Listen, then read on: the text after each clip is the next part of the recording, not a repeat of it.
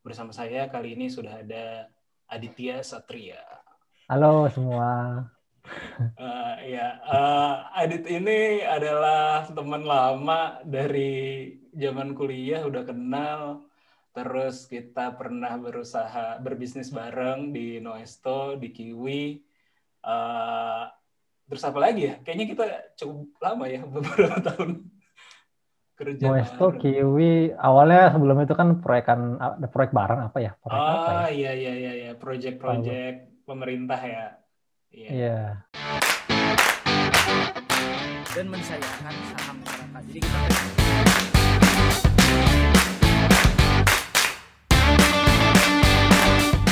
beda sama Jakarta, kalau orang Bandung tuh uh, investasiin buat sekolah anak. Golf itu something new gitu. Kupu-kupu mungkin. Uh, ayahku tuh satpam gitu kan. Di...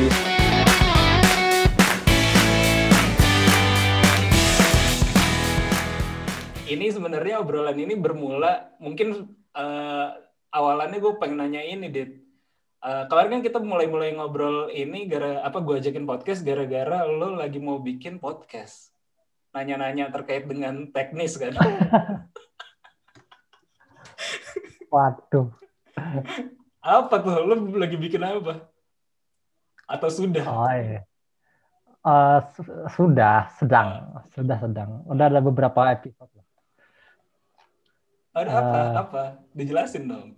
Aduh, gue jadi malu. Enggak, itu sebenarnya untuk untuk kalangan terbatas ya. Apaan? Ya nggak apa-apa. Uh, tentang ini ya, tentang tadabur Quran. Oh, menarik. Jadi menarik. itu berisi apa namanya perenungan pribadi, misalnya tentang surat-surat.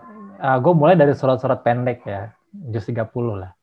Hmm. Tuh, nah, jadi kan uh, itu kan sebenarnya surat yang biasa kita hafal atau kita baca dalam sholat hmm. gitu, tapi uh, kadang-kadang nggak tahu ya kalau kalau gue ya, kalau gue kayaknya proses proses setelah menghafal kan ya, bagusnya kan merenung gitu ya, merenungi, hmm. mentadaburi kan.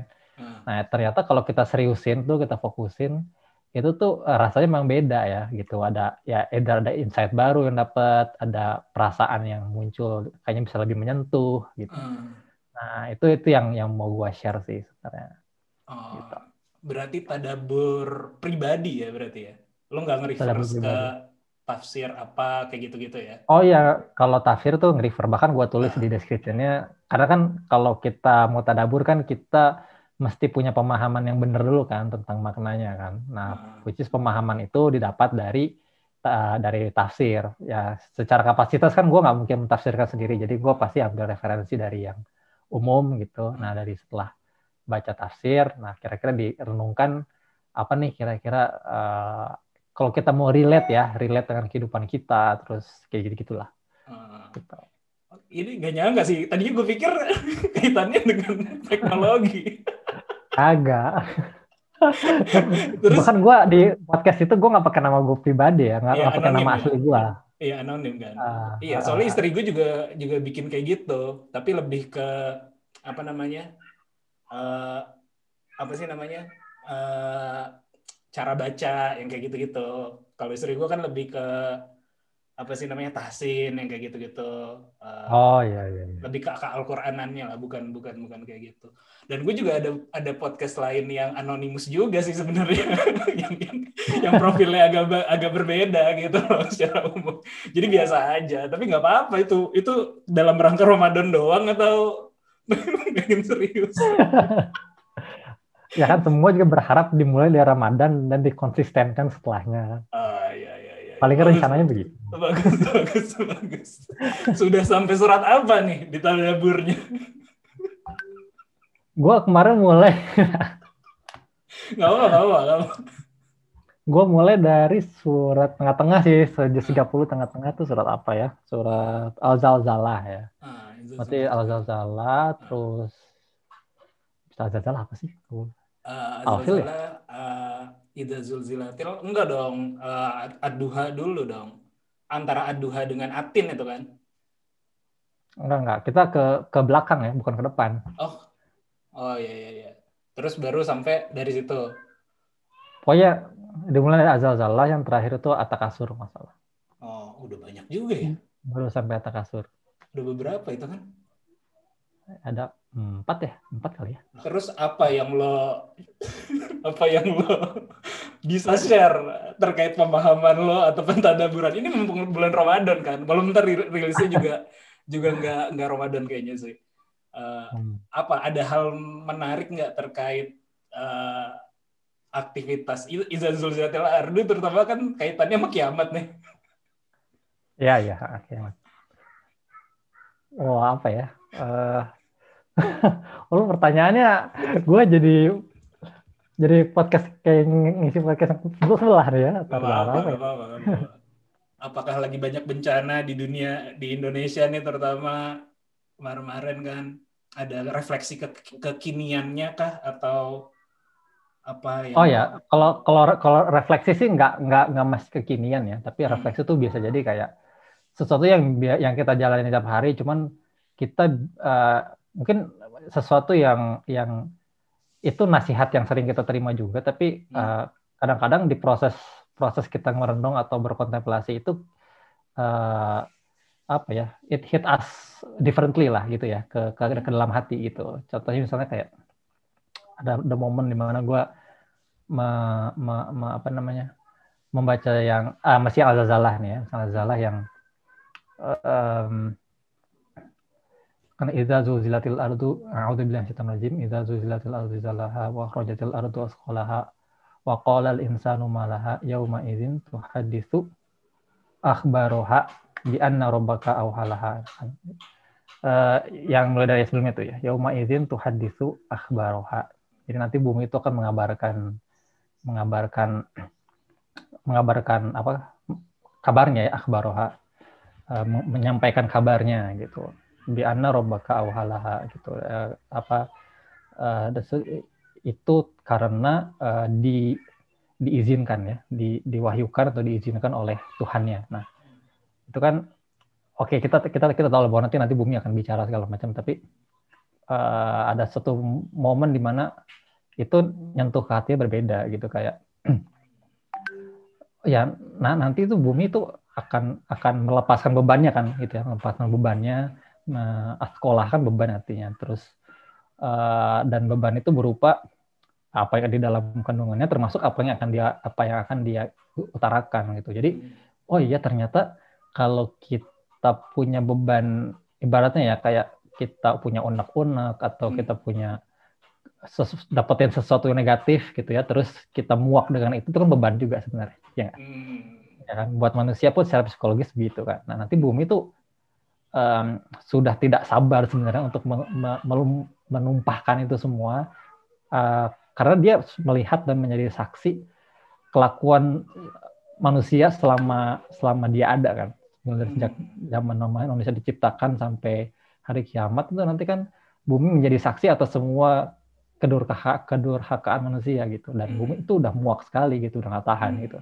Sampai sampai akhirnya itu ditahan-tahan sampai uh, robbaka awhalaha gitu ya. Hmm. Sampai itu di nah kata Allah Allah awhalaha itu kan sebenarnya kalau di di terjemahan itu kan uh, di, uh, tuh apa terjem Tuhannya me, Tuhannya bumi ya, Tuhannya me, me, mewahyukannya untuk menyampaikan itu maksud supaya bumi menyampaikan beritanya gitu. Tapi kalau kita baca di tafsir lebih dalam, awhalaha itu maknanya lebih dalam dari itu. Ya. Jadi kayak uh, bukan cuman bukan cuman um, memerintahkan ya tapi juga mengizinkan ya yang mana kalau maknanya mengizinkan itu kan berarti memang yang bersangkutan memang pengen melakukan itu gitu ya ya kan hmm.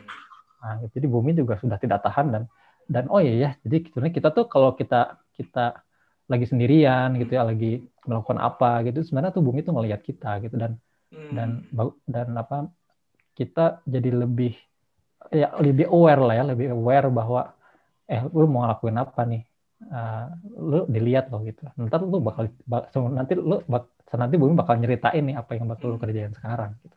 Hmm. nah sebenarnya itu kan sebenarnya sesuatu yang sudah kita tahu secara kognitif kan bahwa oke okay, Allah melihat nanti semua bakal hmm. ditampakkan di uh, apa catatan amal kita dan lain. Tapi hmm. kalau kita ngerenung apalagi kalau momennya pas ya misalnya di malam-malam gitu segala macam itu tuh uh, nyampe ke hati beda aja gitu. Hmm. gitu sih Iya, menarik, menarik, menarik banget, Dit. Jadi itu sebenarnya kan uh, tadinya pemahaman gue agak berbeda sih terkait uh, hal itu, tapi tapi itu jadi perspektif yang menarik lagi. Apalagi sebenarnya kan banyak banget ya kalau kita ngomongin uh, pemaknaan atau ya gerakan lingkungan ya kalau kita ngomongin sekarang gerakan lingkungan uh, hidup gitu oh, banyak yang hmm. uh, gerakan uh, green green movement ataupun circle ekonomik dan segala macamnya kayak gitu-gitu uh, salah satu kampanyenya atau apa ya mungkin bahasa awamnya ya atau bahasa manisnya yang biasa mereka pergunakan adalah uh, salah satunya bilang eh, mereka sering bilang gitu uh, Mother Earth ini lagi kesel kayak gitu kan ibaratnya atau lagi hmm. muak lah atau bahkan kalau di lirik lagunya Ibit GAD uh, ya kayak gitulah bumi udah ini gitu udah udah uh, udah kesel sama manusia tapi ternyata itu bisa direlasikan juga dengan keagamaan ya kalau kalau kalau berdasarkan apa yang lo ceritakan. Karena tadinya kalau gue memaknai lagu-lagu atau syair-syair yang kayak tadi itu di lagu-lagu ya atau di kampanye-kampanye itu agak berbeda pendekatannya dengan keagamaan gitu. Karena kan ini adalah ya benda mati gitu kan bumi ini jadi jadi, nah. jadi tidak tidak tidak gitu. I, itu dari banget itu boleh di ini nggak? Lo mau dipublish di sini nggak? Apa ya, ininya? ya Ya, boleh lah, boleh lah. Apa namanya?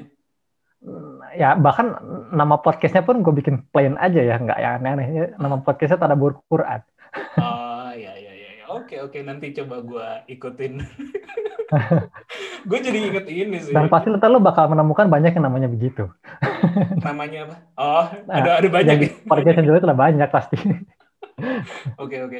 Iya gue jadi gue jadi inget ini sih gara-gara lo ngomongin ini. Kita kan sebenarnya dulu uh, uh, lu senior kan ya di atas gue satu tahun di ITB dan juga kita beda jurusan tapi uh, gue gue tarik gara-gara kita ngobrol kayak gini jadi inget kita tarik kita dulu pertama kali ketemu ya gara-gara organisasi kan sebenarnya kan. Ya di, ya gamais lah ya. Di gamais kayak gitu kan. terus gue jadi inget lagi sebenarnya. Uh, ketika ngomongin uh, dulu sebenarnya anak 2005 gue 2006 gitu. 2005 menurut gue yang gue jadi inget-inget lagi nih ketika uh, kalau rapat ataupun kalau kita ada sesuatu lah ya ada ada meeting atau ada ada kegiatan gitu menurut gue tuh ada dua yang selalu gue lihat uh, baik dalam memimpin rapat. Baik memimpin rapat maupun menstrukturkan pemikiran dan memoderasi lah ibaratnya ya. Memoderasi atau menstrukturkan pemikiran-pemikiran anggota-anggotanya kayak gitu itu ada dua dua orang sih yang runut banget sistemik gitu. Yang pertama itu adalah Cecep, Kang Cecep matematika gitu. Itu menurut hmm. gue, gue beberapa kali dalam dalam organisasi beririsan dengan dia gitu ya. Uh, dan yang kedua adalah lo, Dit, gitu.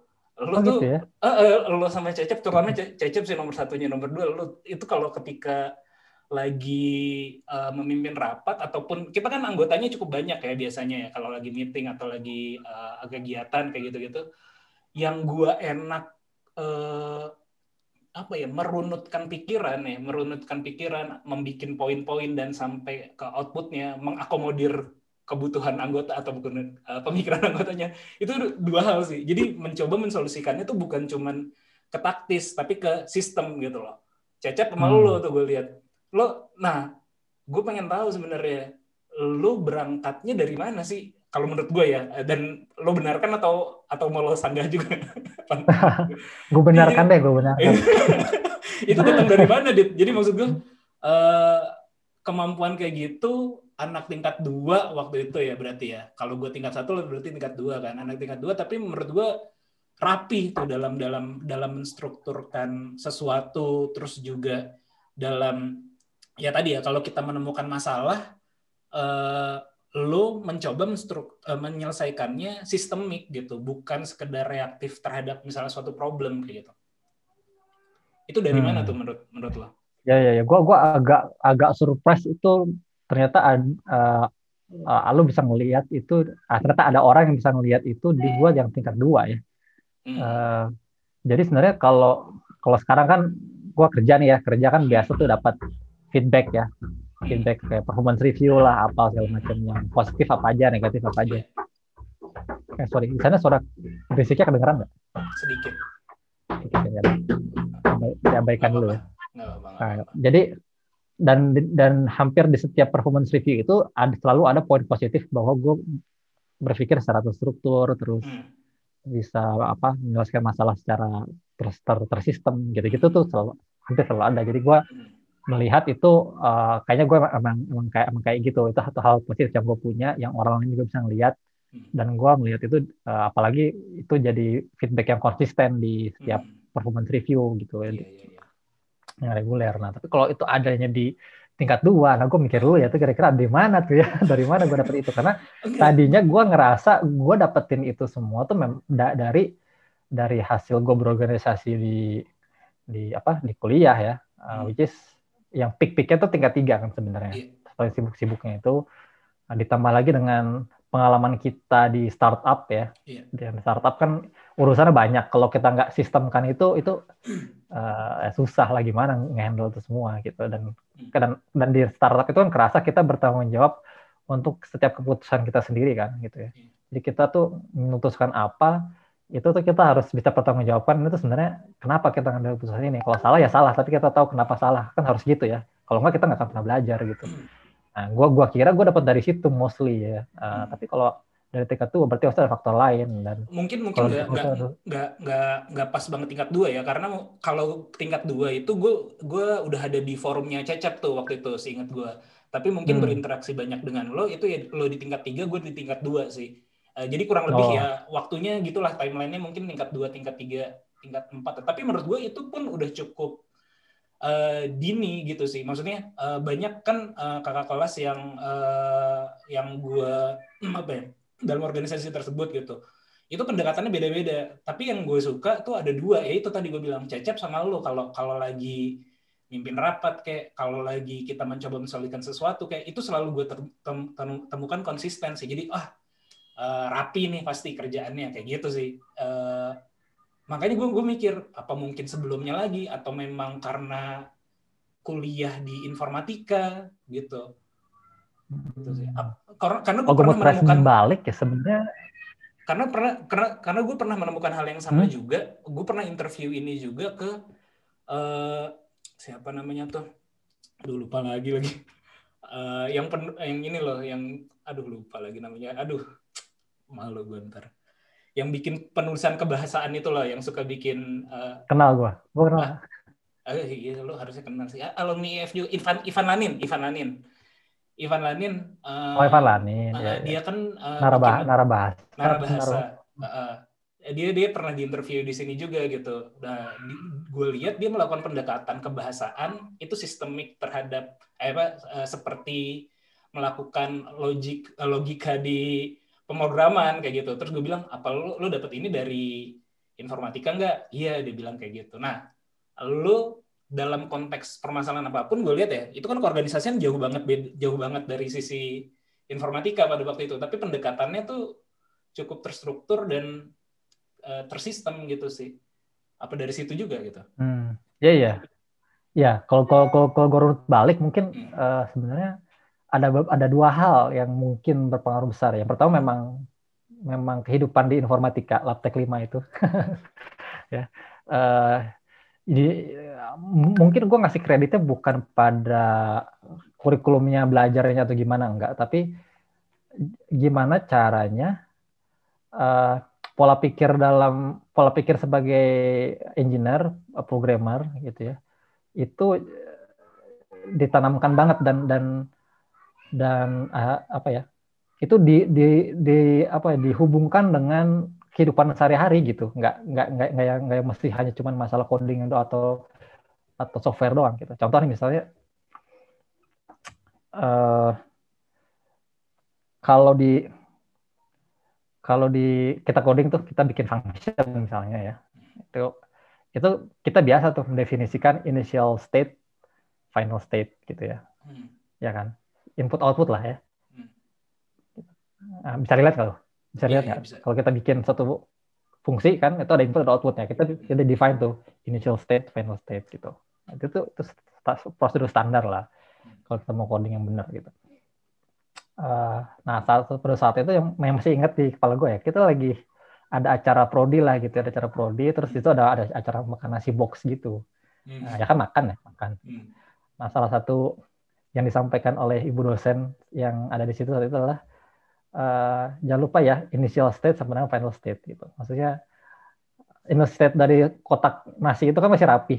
Nah, final state juga sama gitu. Lu habis makan, rapi di, di, di, di, dikaretin lagi, taruh lagi, ditumpuk lagi gitu. Ya kan oke, okay, berarti apa ya mindset atau cara berpikir kita sebagai programmer itu nggak mesti yang cuma diterapin dunia software doang gitu, tapi dunia sehari-hari gitu.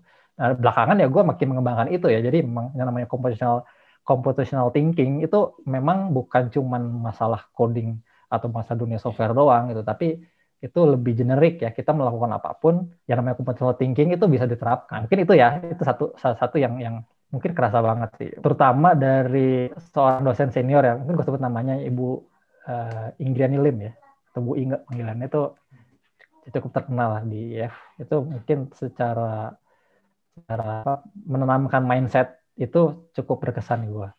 Terus, yang kalau gua mau flashback lagi ya um, mungkin memang bawaan dari sananya.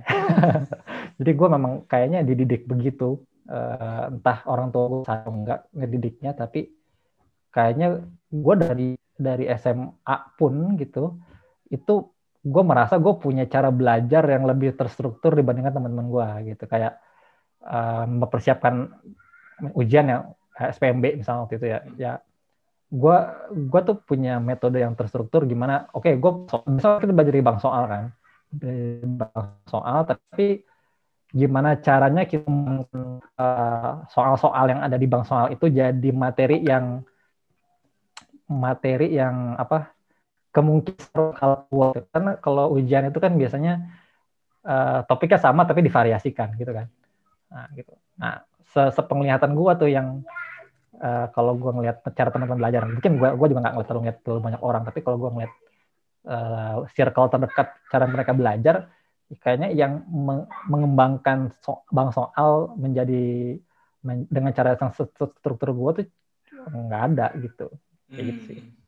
mungkin ya kayak jadi memang eder bawaan pendidikan keluarga dan ditambah lagi dengan pendidikan di IF yang juga kayak gitu ya. Nah, iya. mungkin itu yang bikin jadi sangat terstruktur. Iya iya mungkin juga di keluarga sih. Karena gue lihat gue menemukan itu juga atau saling mempengaruhi ya. Gue gue menemukan itu juga di di Aji sebenarnya. Uh, oh ya uh, walaupun uh, agak apa ya uh, agak sedikit ada ledakan-ledakannya kalau di Aji ya. Jadi gue uh, gue gue lihat kalau kalau di lo tuh tipikalnya uh, sistemik banget lah gitu. Uh, kalau di Aji uh, ada sedikit uh, apa ya? Ada sedikit hal-hal di luar itu juga gitu. Letupan-letupan. Letupan-letupannya ada gitu. Uh, menurut lo uh, model pendekatan yang lo lakukan ini uh, baik diterapkan di semua hal? Um, iya baik, tapi tapi kalau cuma gini doang nggak kurang baik karena eh, manusia itu mau nggak mau dia punya emosi ya, hmm. gitu. Jadi um, kalau di dunia di dunia profesional ya mungkin bisa bisa, bisa dibilang uh, kalau kita tujuan mau mempengaruhi orang terus uh, buy in uh, terhadap keputusan yang kita hmm. usulkan gitu ya, apa ngegait uh, mendapatkan buy in dari orang gitu. 80% hmm. itu memang ya cukup dengan dengan dengan rational thinking kayak gini gitu. Hmm. Karena orang di bisnis atau di dunia profesional semua sudah punya ini ya punya oke okay, objektifnya jelas gitu gue mau maksimalkan profit kah atau apa gitu itu udah jelas jadi ketika argumennya kuat dan ditambah dengan sedikit cara penyampaian yang bagus dan cukup persuasif ya. Itu udah cukup gitu. Tapi kalau di hubungan hubungan yang non profesional kayak di paguyuban misalnya pertemanan atau keluarga itu mungkin uh, mungkin lebih besar faktor emosionalnya ya. Hmm. nyaman gak nyaman gitu ya. Hmm. atau uh, tersentuh tidak tersentuh gitu ya. Dibandingkan dengan penyebaran logika kita tuh masuk atau enggak gitu. Hmm. gitu jadi yeah. jadi mungkin kasus dan gue sebenarnya agak kurang di situ gue akuin ya jadi yeah. biasanya gue agak kurang bisa excel kalau di di lingkungan yang di lingkungan dinamik. yang, yang cair yang cair gitu ya yang dinamik cair, cair betul. dinamik gitu betul betul. Tapi sebenarnya menurut gue itu itu uh, hal yang bagus karena kan uh, ketika di Nuesto lo sebagai CEO itu melakukan pendekatan yang berbeda sebenarnya. Uh, walaupun peran bisnisnya lebih banyak di gua waktu itu gitu. Tapi uh, lo membantu gua untuk ngerem sebenarnya dalam beberapa hal gitu. Ya ya ya. Kadang-kadang kadang-kadang kalau kalau di kalau di tim tuh gue suka gitu. Jadi gue ngelihat misalkan uh, komposisi timnya kayak gimana, terus dia cenderungannya gimana gitu ya. Dia cenderungannya ngerem atau ngegas gitu kan. Nah, kadang-kadang gue memposisikan sebagai pelengkap gitu. Jadi kalau dia sukanya ngegas, gue sukanya ngerem aja gitu. Iya, iya, iya. Kalau dia kalau cenderung juga sebaliknya gitu. Iya, iya, iya. Tapi menurut gue mungkin ada beberapa apa ya kalau kalau kekurangan ada beberapa sih yang yang gue lihat kalau dalam penyelesaian masalah sis, uh, dengan sistemik seperti itu ya atau ter, secara terstruktur karena kadang-kadang karena gue menemukan ini juga di beberapa orang lain gitu ya uh, hmm. Penyelesaian. Dan di, di, di diri gue sendiri juga gitu. Gue gue gue juga sering menemukan itu di diri gue dalam solving misalnya masalah ini baru-baru ini di bulan Ramadan nih masalah toran air lah di rumah gue kayak gitu. Masalah toran air gue ini bocor atau kayak gimana gitu. Nah gue melakukan sequence of experience untuk menemukan masalah yang sebenarnya dan berusaha mensolving problemnya dengan, dengan, hal yeah, tersebut yeah, yeah, gitu. yeah.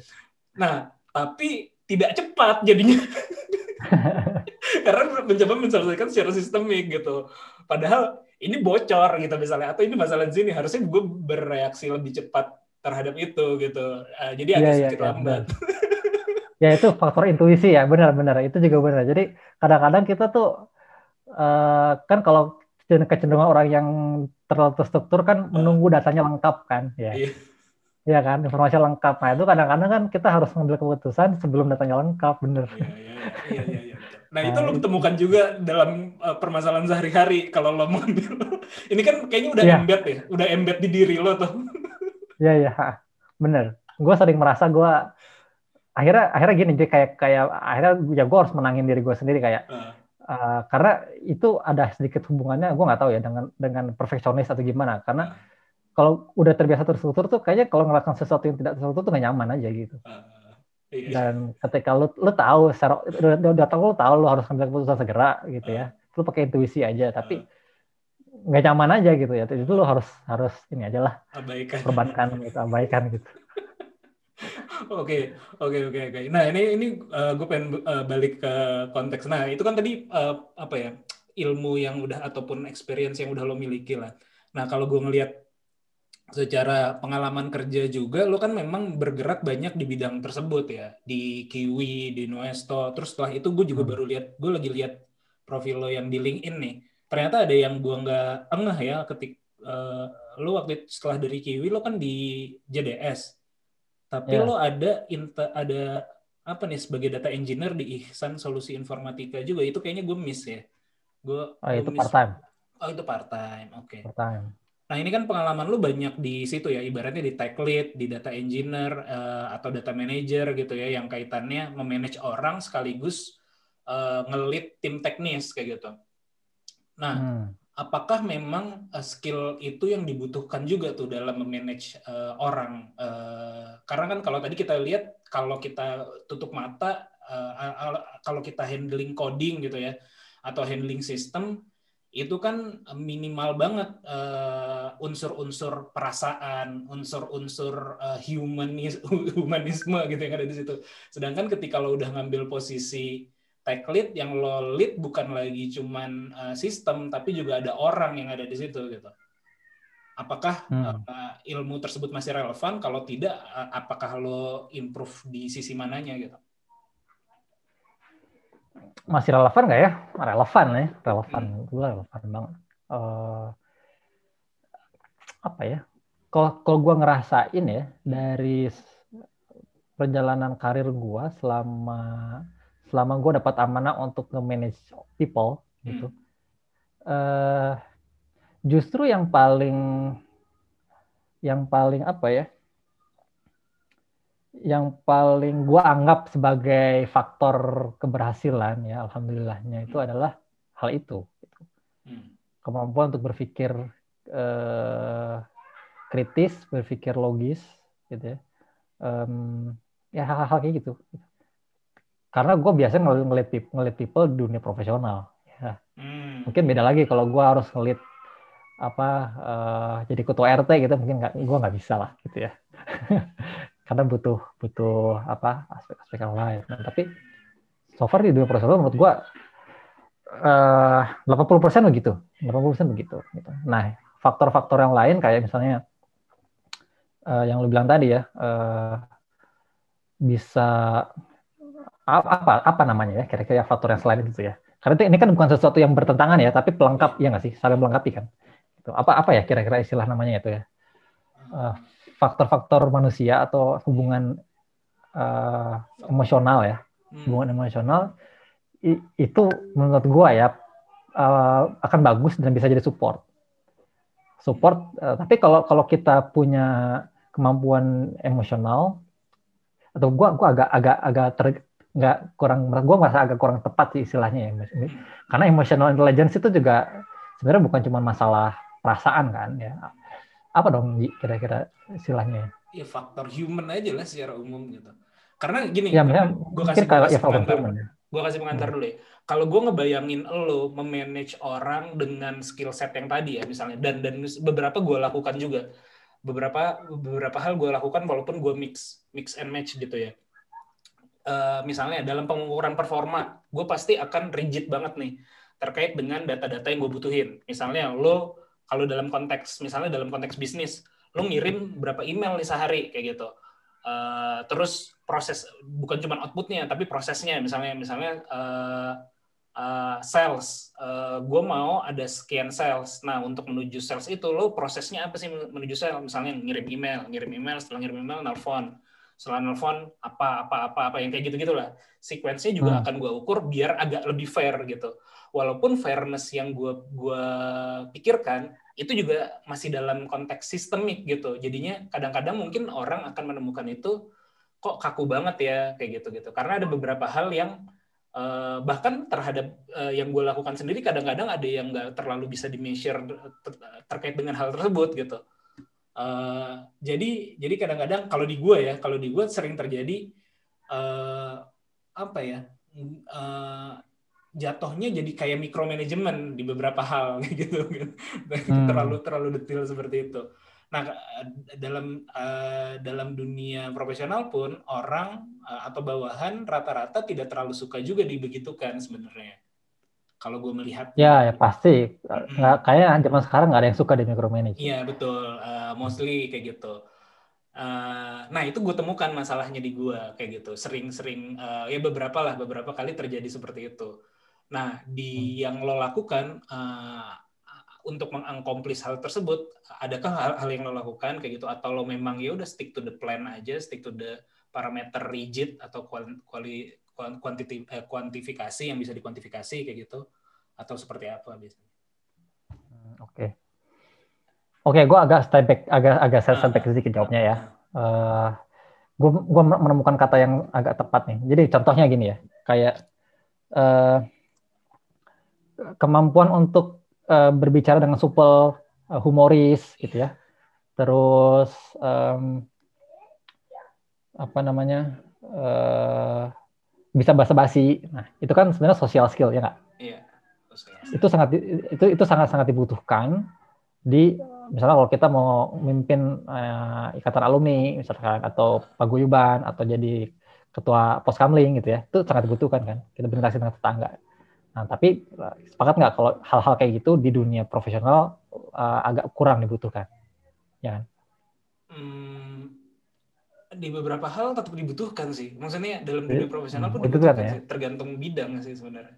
Nah, oke oh ya benar terbantu bidang ya oke kalau gue gua rasain ke- kemampuan untuk menjadi humoris eh, agak su- supel hahihi sama orang gitu ya terus itu agak agak agak, agak, agak kurang dibutuhkan sebenarnya itu akan lebih bagus kalau punya artinya kita bisa bisa blending dengan cepat dengan tim atau dengan apa tapi seandainya kita kurang di situ pun itu masih bisa diterima. Itu yang gue rasain sih. Eh, sepanjang sepanjang karir gue ya Hmm. gitu. Gue gue sebagai orang yang agak agak kaku dalam hal-hal seperti itu itu ngerasa bisa-bisa aja ngel- ngelit tim dengan baik gitu. Hmm. penilaian gue ya. Disclaimer. Oke oke. nah tapi itu bukan berarti kita nggak punya kemampuan empati. Nah, nah kalau kemampuan untuk empati ini penting banget. Bahkan harusnya uh, nggak bisa nggak gitu. Jadi gini, kita bisa aja nggak, nggak jadi orang yang kaku secara pergaulan, terus nggak terlalu nggak, nggak terlalu mudah untuk berhumor gitu misalkan ya, untuk mencarikan suasana. Tapi kita tetap harus bisa jadi orang empatik gitu. Hmm. Empatik tuh apa sih ukurannya? Ya kita kita tahu apa perasaan dia apa yang dipikirkan, kita bisa posisikan diri kita di, di, di dia. Itu itu kata kunci empatik. Nah kalau itu uh, itu harus ada, nggak tergantikan. People skill itu harus ada, hmm. gitu. Dan dan ini sama pentingnya dengan yang dengan yang tadi ya masalah thinking atau logical thinking gitu, atau berpikir secara structured gitu ya. Nah itu sama pentingnya. Kalau menurut gue akhirnya itu sama pentingnya. Gitu. Um, karena kalau kita nggak punya empatik terhadap orang, pada akhirnya kita nggak bisa nggak bisa membuat orang itu perform, itu uh, untuk mengerjakan apa yang dipengen dia kerjakan atau apa yang tim butuhkan, gitu. Kalau kita nggak punya nggak punya empati, nah kalau kita nggak nggak punya apa structure problem solving, pada akhirnya kita nggak bisa menyelesaikan problem yang tim mau selesaikan. Gitu. Jadi dulu penting kan. Gitu. Either kita menyelesaikan masalah yang salah juga ngapain gitu kan.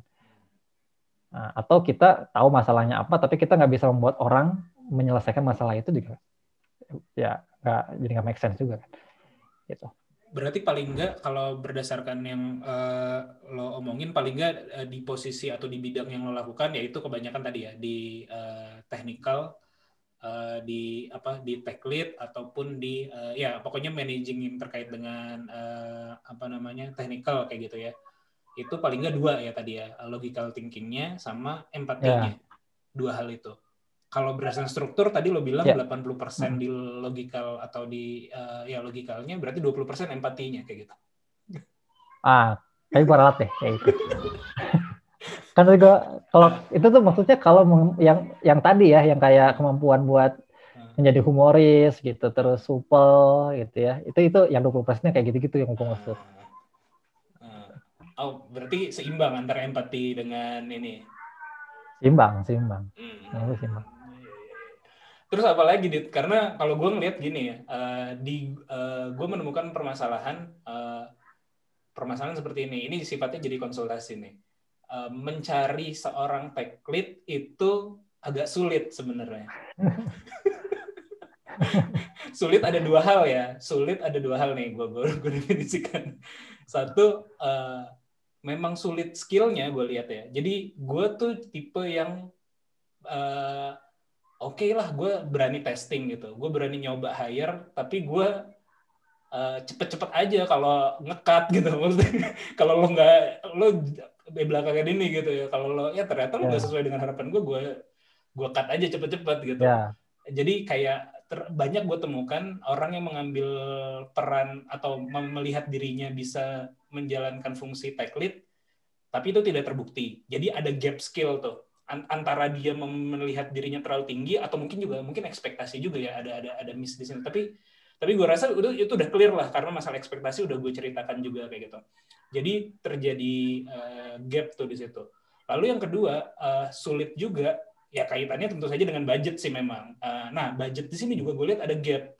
Gapnya itu adalah antara developer atau mungkin senior developer ke tech lead gue nggak ngerti nih uh, apakah memang semua developer atau senior developer itu bisa jadi tech lead atau atau enggak ya karena karena range-nya terlalu jauh nih gitu loh dan memang skillnya kan berbeda ya itu tuh gue bingung sih apakah gue harus lebih baik mengkader orang yang udah bagus gitu ya gue lihat di tim bagus dan segala macam bagus lalu nanti dia jadi tech lead atau ya tadi hiring tapi nggak nggak nggak ketemu juga gitu. Menurut lo gimana tuh antara dua hal tersebut itu?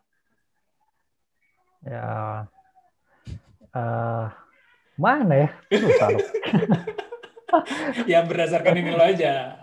Bayangan lo. Tapi lo, emang uh, oke. okay. nge, nge hire bahkan nggak harus nge-tech lead ya, maksudnya nge-hire senior developer. Sekarang tuh susah, Ji. Susah.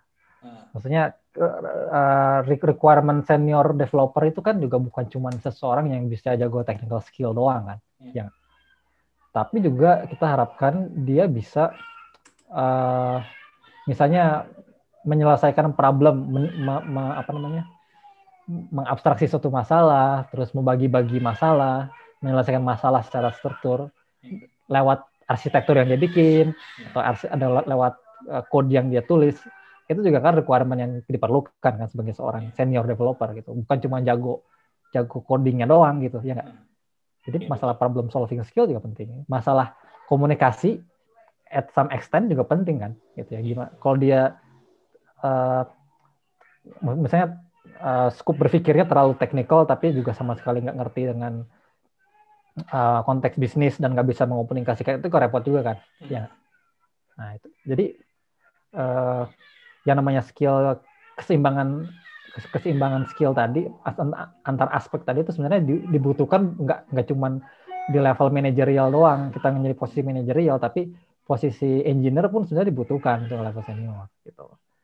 Nah jadi memang susah. Memang susah. Dan dan Orang apa ada ya solusi sih tadinya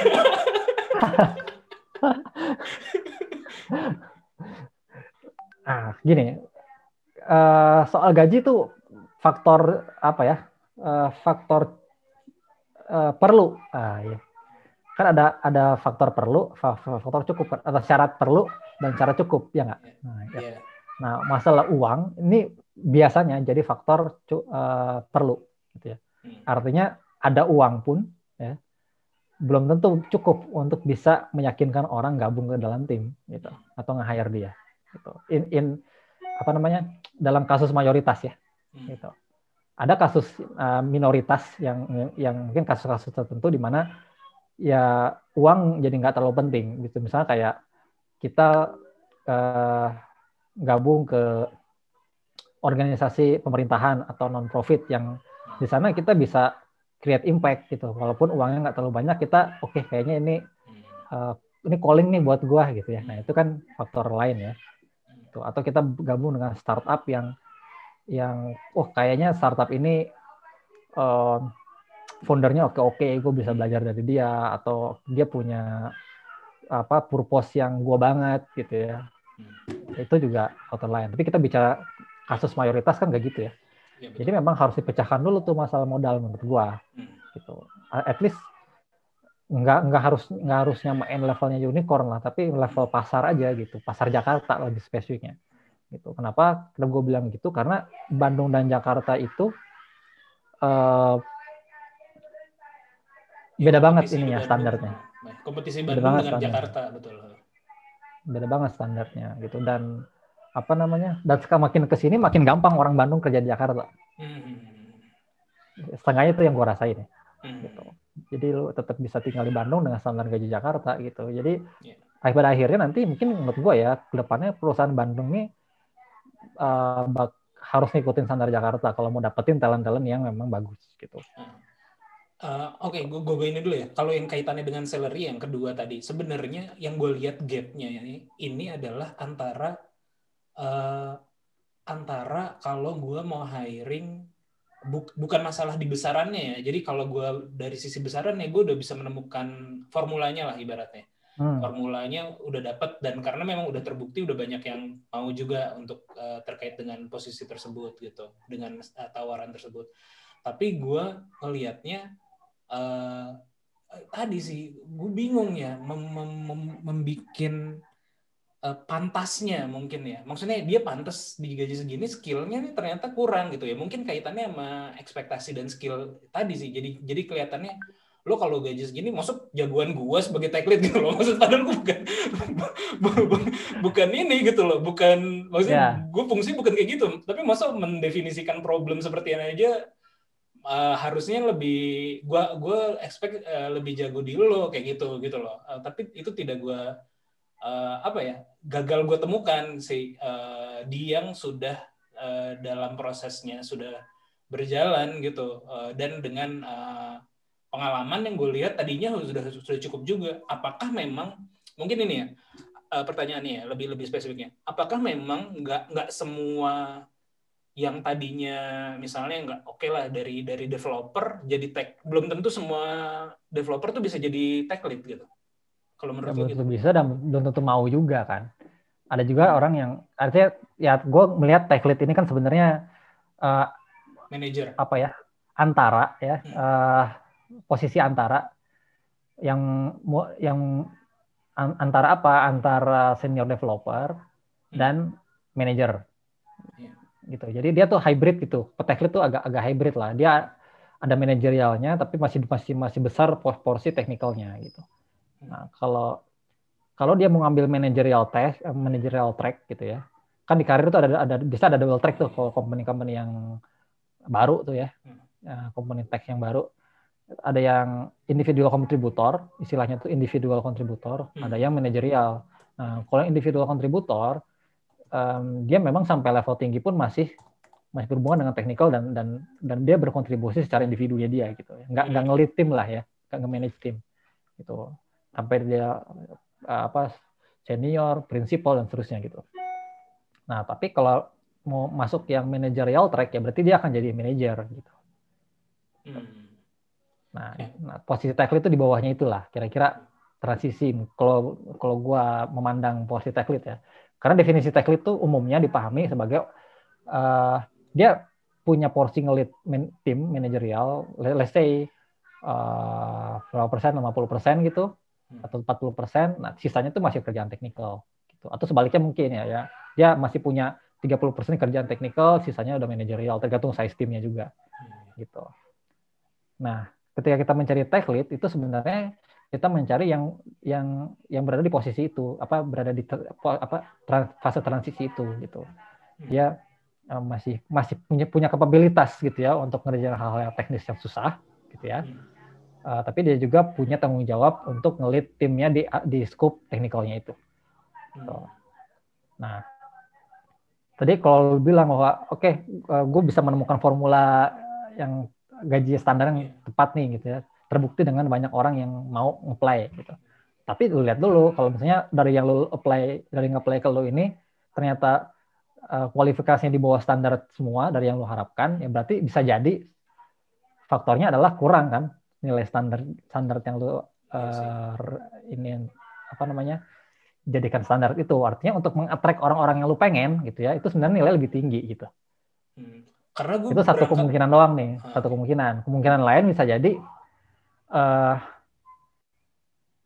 eh, lu, lu men- mencari di, di kolam yang salah gitu ya Hmm. gitu dan Iya, iya. gua ngerasain sih gua kan hiring juga nih ya di Iya. company gua yang sekarang tuh nge-hire level senior manager itu susah gitu ya Hmm. maksudnya yang yang apply banyak tapi untuk bisa Hmm. menseleksi sampai dapat kualifikasi yang kita inginkan juga susah gitu artinya kelangkaan ini terjadi di mana-mana kok gitu ya Iya iya iya. Iya iya, bener di mana-mana sebenarnya gue ngomong gue ngomong hal yang sama juga dan menemukan problem yang sama juga gitu loh. Eh tadi ya mungkin gue nggak tahu apa mungkin gak ada standarisasinya ya. Eh makanya gue gue tadi mikir kalau pertanyaannya nggak semua tech dev itu atau eh, apa ya engineer itu bisa dan mau jadi tech lead, apakah nggak semua tech lead itu mesti dipimpin oleh yang sebelumnya engineer? kalau untuk tech lead menurut gua harus sebelumnya engineer kenapa karena dia eh, harus harus bisa ngelit technical decisionnya Hmm. Gitu. Beda sama manager. Kalau untuk posisi engineering manager orang masih bisa berbeda pendapat ya. Ada yang tetap bilang bahwa harusnya pernah jadi engineer ada yang enggak. Tapi kalau untuk posisi tech lead menurut gua tetap harus eh, dia pernah jadi engineer Kalau kalau di lo eh, ini ya kalau kita ngomongin misalnya di Mekari ataupun yang eh, sebelumnya mungkin di JDS lo kan berhasil melakukan suksesi gitu ya. Dengan, dengan cukup bagus dan dadakan Dadakan gitu? walau dadakan walau dadakan. Juga apa eh tadi gue ngomong apa? Eh, lebih baik meng- meng- mendidik orang yang tadinya dia di udah di tim dan eh, de- udah udah jadi udah udah part of the team dan jadi tech lead atau eh, tadi eh, finding yang baru? Nah, bisa dua-duanya. Kalau lu lebih banyak melakukan mana? Eh di JDS gue melakukan yang udah dari tim. Ya. Hmm. Kalau di yang sekarang gue mencari dari luar. Hmm. Hmm. Jadi uh, itu sih menurut gue itu bukan nggak nggak lebih baik, nggak lebih baik. Pada akhirnya itu yang kita lihat adalah kualifikasi dari orangnya. Berarti oke okay, kalau coba dirangkum lagi, di, menurut lo kalau untuk uh, tech lead sebenarnya skill apa sih yang dibutuhin? Gue sebenarnya kan beberapa kali meminta atau meminta lo untuk bantu gue interview juga kan. Dan sebenarnya dari poin-poin pertanyaan lo juga gue replikasi dan gue jadikan standar pertanyaan atau standar uh, form lah paling enggak kayak gitu uh, dari uh, dari untuk untuk rekrutmen. Uh, dan gue jadi cukup memahami apa yang lo cari ketika lo bertanya hal-hal tersebut gitu. Nah tapi kalau coba lo rangkum lagi, kira-kira apa aja sih memang uh, yang dibutuhin ya untuk tech lead gitu? Oke, okay.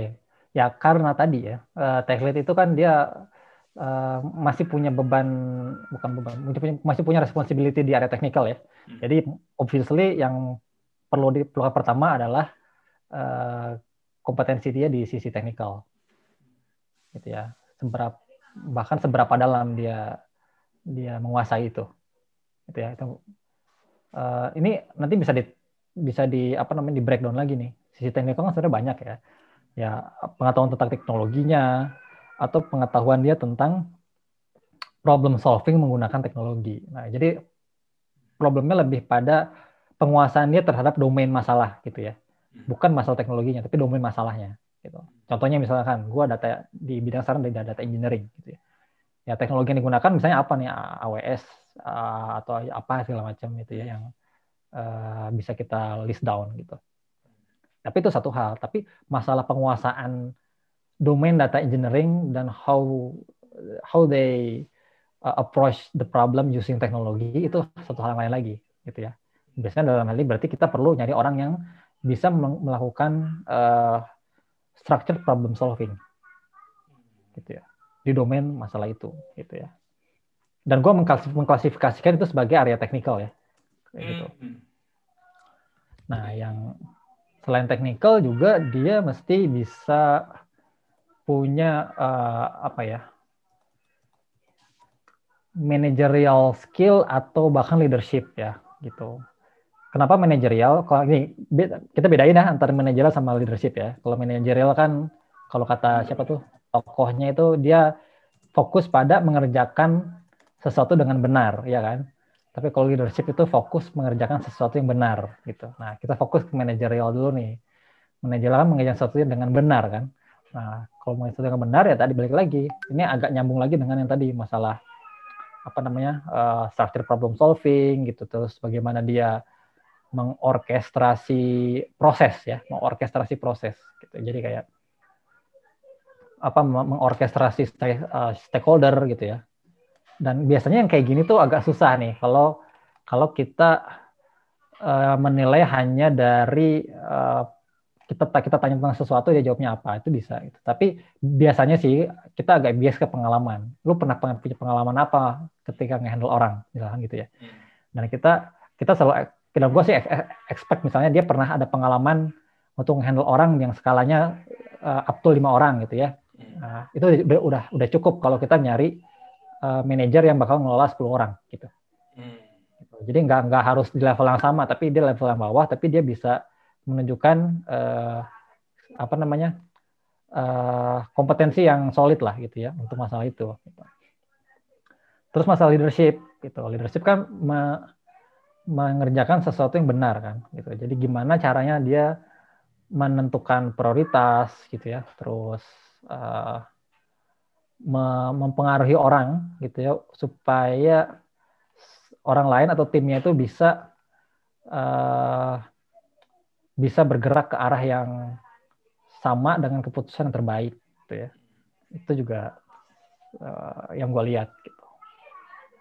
Nah jadi kalau mau dirangkum sebenarnya ya tadi technical skill um, domain problems ya penguasaan terhadap domain masalah terus uh, kemampuan untuk structured problem solving dan baru yang terakhir managerial dan leadership gitu. Kalau terkait dengan structure problem solvingnya tersebut, apakah uh, spesifiknya uh, itu butuh waktu kan sebenarnya, butuh dia uh, ada di dalam dulu gitu. Iya nggak menurut? Ya, pada pada akhirnya kita memang akhirnya perlu ngelihat dia real kerjanya gimana. Makanya itu ada ada fase probation kan tiga bulan kan. Hmm. Ya kan, tiga bulan di mana kita bisa oke okay, kita say no sampai sini aja gitu ya, Hmm. karena ternyata yang kita lihat kerja kinerja dia nggak sesuai harapan gitu. Itu fungsinya probation. Tapi untuk meningkatkan probability probation itu kan kita dari interview kan. Hmm. dari interview dari, dari interview itu kita tanya, kita tanya hal-hal yang yang related gitu ya. Biasanya sih gue nanya eh, kalau pernah punya pengalaman apa nih gitu ya di tempat kerja lu yang sebelumnya dan sekarang masalah apa yang pernah lu selesaikan dan lu anggap itu paling membanggakan atau paling kompleks gitu ya. Hmm. Oke, misalnya masalahnya apa, terus gue drill down. eh, kenapa lu memutuskan itu dan gimana step-step lu menyelesaikan masalahnya? Ah, apa yang membuat lu yakin bahwa itu adalah adalah solusi yang yang terbaik gitu. Hmm. Nah, dari situ kan kelihatan tuh pola pikirnya kan. Nah, kayak gitu sih. Iya. Iya. Ya, cuman ya itu tadi misalnya gue terakhir dalam berapa bulan ini ya? Januari, berarti empat bulan inilah kayak gitu. Itu eh, ber, ber- dua kali lah eh, hiring and firing kaitannya dengan terlalu cepat sebenarnya sih. Cuman cuman ya tidak tidak tidak sesuai yang tadi gue bilang kayak gitu sih, terutama di eh, structure problem solving mungkin ya istilahnya ya. Jadi gue eh, mungkin problematika kalau meng-hire orang baru adalah dia butuh delay waktu untuk belajar dulu ya sebenarnya sih. Eh, yang Hmm. mana itu harus diakomodir gitu ya, harus berani diakomodir oleh si perusahaan untuk bisa ya ya nggak apa-apa lah lembam-lembam dulu loh apa eh, agak melambat dulu kayak gitu. Hmm, Oke, tapi belajarnya tuh ini ya, maksudnya belajarnya tuh bukan belajar untuk melengkapi kompetensi dia yang kurang itu beda, tapi belajar untuk untuk mendapatkan konteks. Iya iya iya. Nah, Ya, jadi kalau kalau kalau kita mau mau ngasih waktu untuk belajar supaya dia jadi kompeten, sementara Itu- sebelumnya tidak kompeten itu susah lama gitu. Hmm. Tapi kalau da- belajar untuk dapetin konteks gimana implementasi di perusahaan ini secara spesifik gitu, itu cepat tiga bulan gitu misalnya. Hmm, iya, itu itu berarti mungkin gue agak kurang sabar ya dalam hal ini. karena, karena kalau dihitung berarti kan per dua bulan itu hitungannya kan berarti. Nggak, nggak, nggak, bukan, bukan berarti kurang sabar juga. Maksudnya Ah. lu dari awal harus bisa men- me- harus bisa menilai ini gapnya di mana nih. Memang gap di kompetensi atau gap karena memang kurang dapat konteks. Kalau gapnya di kompetensi, menurut gue bagusnya lu cepetan cut aja. eh, Karena pun lu tunggu sampai tiga bulan nggak akan berkembang gitu. Atau sih. atau mungkin kecil kemungkinan berkembang. Jadi mungkin keputusan lu udah benar gitu loh. Eh, iya, tapi gue juga ngerasa ya nggak tahu sih. eh, ya nggak tahu ya antara antara dua hal itu sih mungkin. iya sih pasti antara antara ya dia menstrukturkan dalam konteks perusahaannya atau dalam konteks eh, ya atau memang skill dia kurang sih itu, itu, Iya. itu memang belum match di situ sih. ya nanti mungkin gue gue coba gue akan experience lagi ya setelah ini. Ya, gue ya, tipe ya. yang yang nyoba-nyoba sih sebenarnya jadinya eh, agak-agak agak-agak kadang-kadang makan waktu juga kayak gitu. Eh, nah terus ini deh mungkin eh, terakhir ya, lo lo kan pernah eh, ah, mungkin ini aja deh terakhir. ini kan lo udah di fase-fase akhir lo di perusahaan lo yang sekarang nih. udah boleh publish belum sih? Ini kan mungkin rilis Jangan baru- lo, jangan lo. Ini kan rilis baru minggu depan atau dua, dua minggu lagi lah ini. Eh, Iya, iya. mungkin akhir Mei lah baru li- rilis. Oh, Jadi eh, jadi ya ya, oke lah. eh, Tapi jangan lu disebut yang barunya yang, yang mana ya? iya iya iya, gue juga Oh, gue iya. juga tadi lagi nyari-nyari di chat apa cuman cuman nggak ketemu. Makanya gue tadi ngeliat-liat ini mana ya waktu itu dia nyebut lupa gue juga. Eh, nah itu gue ada pertanyaan satu eh, terhadap tempat yang lo tinggalkan apa yang lo lakukan lalu kenapa lo beralih ke tempat ini ini kan eh, ke, ke bidang baru ini sebenarnya kalau gue lihat eh, sifatnya lebih ke, ke konsultasi kan ya dan tidak heavy di technical apakah lo memang Oh, enggak mau- juga, enggak juga. Heavy technical juga. mau shifting oke oke so, sok sok sok. coba dijelasin Pertanyaan dua ya. Iya. Pertanyaan dua kan tadi. Hmm. Eh, yang kedua dulu deh, yang gampang ya. Jadi sebenarnya kenapa kenapa, shifting dan kenapa shifting ke bidang bidang berbeda? Hmm. Ini nggak nggak nggak bidang berbeda. Sebenarnya bidang berbeda. oh berarti gue salah ini salah sama. menduga si ininya ya atau posisinya Karena ya gue gue nggak nanya posisi ya Nah, karena title gue masih sama, data engineering manager.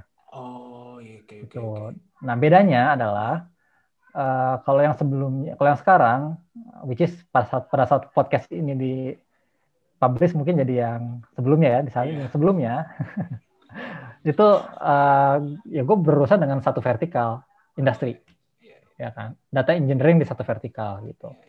Kalau kelebihannya mungkin gue bisa dapetin semua konteksnya end to end, ya kan. Karena gue di satu vertikal satu perusahaan yang sama.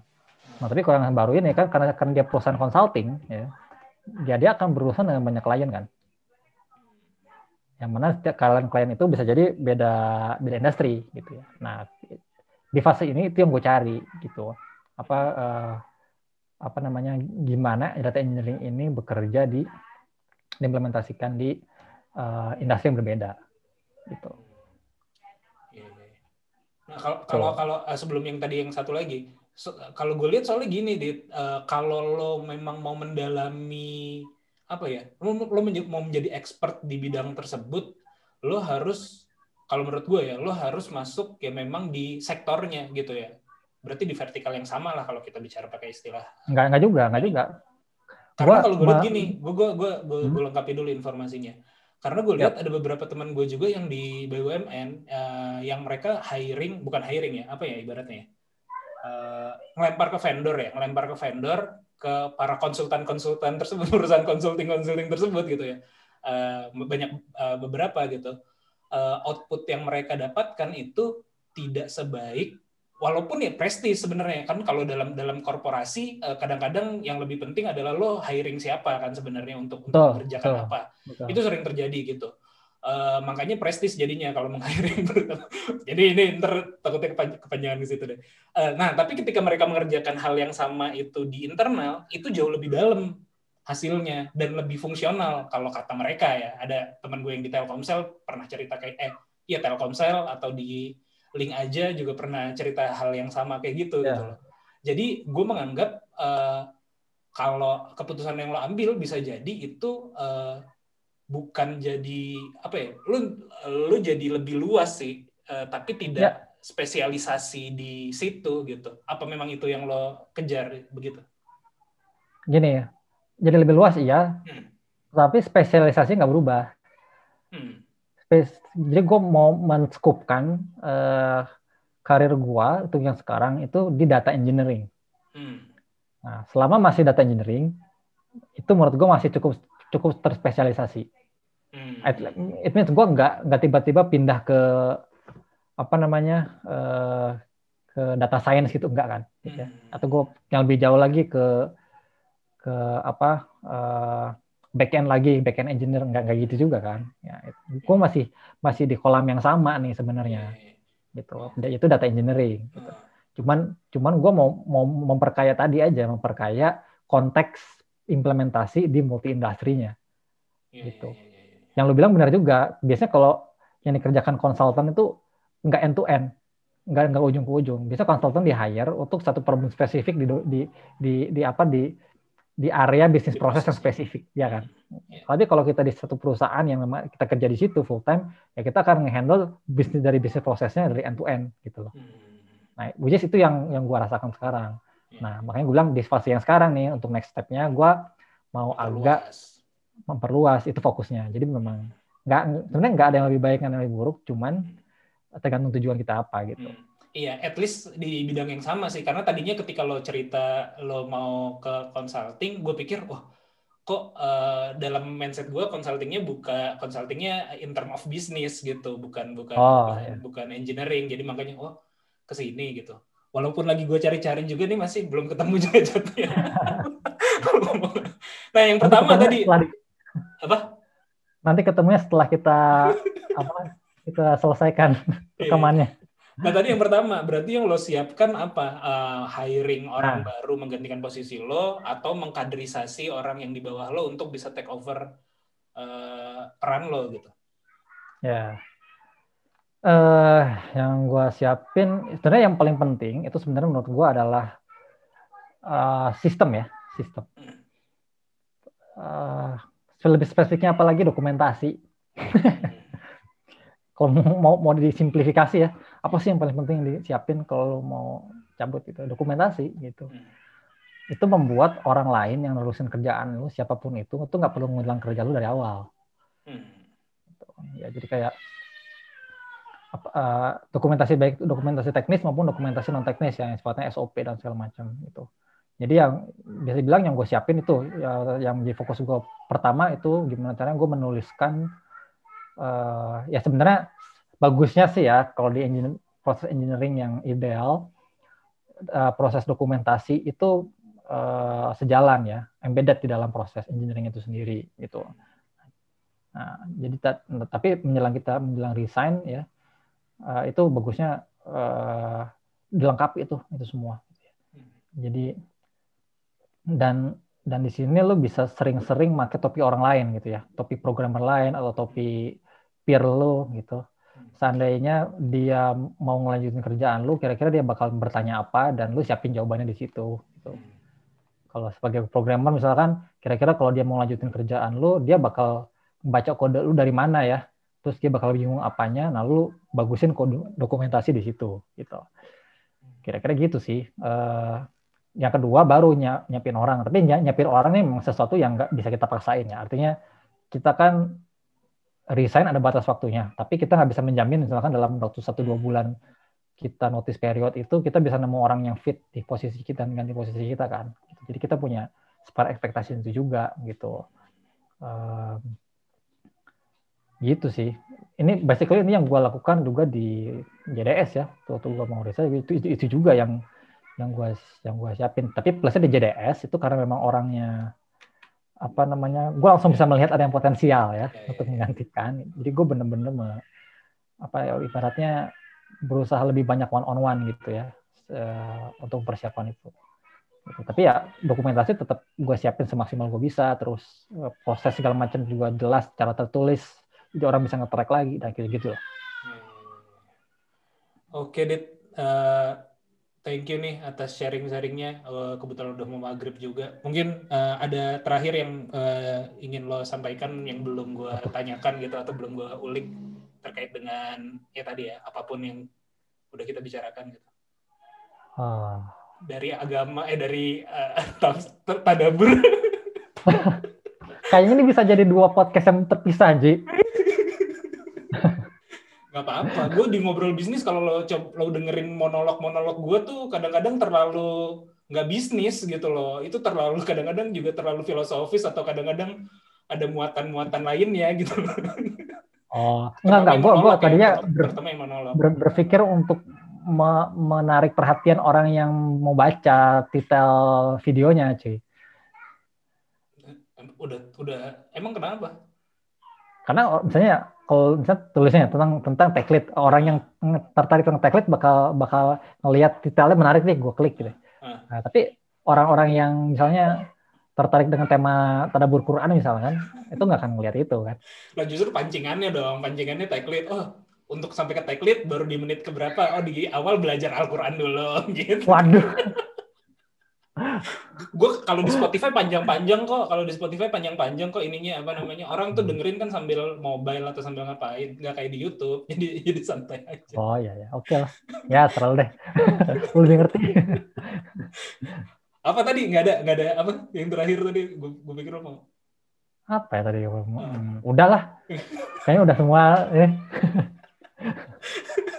Selamat Pasti ada lupa.